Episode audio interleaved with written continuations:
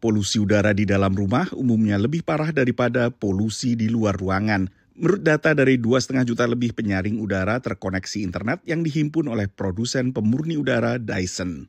You spend a lot of your life indoors. You spend a lot of your life in your home. It's where you sleep.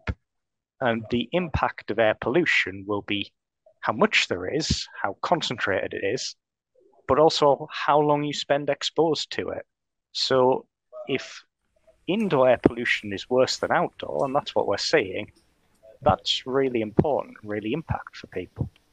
Survei ini melibatkan hampir 40 negara dan di hampir semuanya polusi dalam ruangan melebihi polusi luar ruangan selama enam bulan atau lebih. Faktor cuaca dan suhu udara juga berdampak pada tinggi tidaknya polusi di dalam ruangan. Di Amerika Serikat misalnya, saat ini adalah musim dingin. Seperti juga negara-negara di belahan bumi utara lainnya warga tak banyak bepergian keluar rumah. Dan karena itu, untuk Amerika Serikat sebagai contohnya, tingkat polutan di dalam ruangan paling tinggi pada Januari hingga Maret.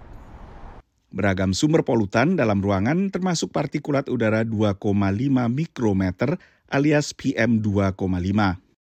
All the outdoor sources of air pollution can potentially come into the home through ventilation, through cracks around windows, under doors, etc.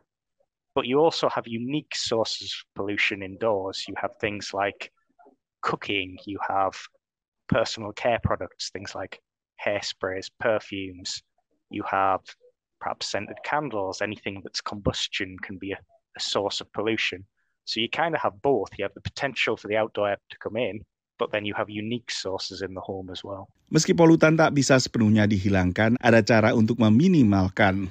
We can lower the amount of um, particulate matter in our house by general cleaning, making sure that you vacuum, making sure that there isn't that part, those particles that are loose in carpets or flooring that can be resuspended easily, making sure that we wash our bedding regularly to make sure any particles that fall off us in the night get washed out.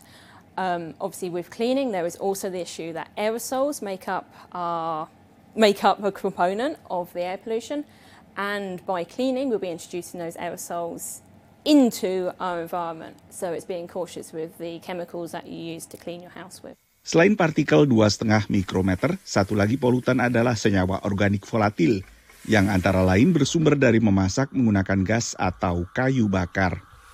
Dari Washington DC, Nova Purwadi dan tim VOA.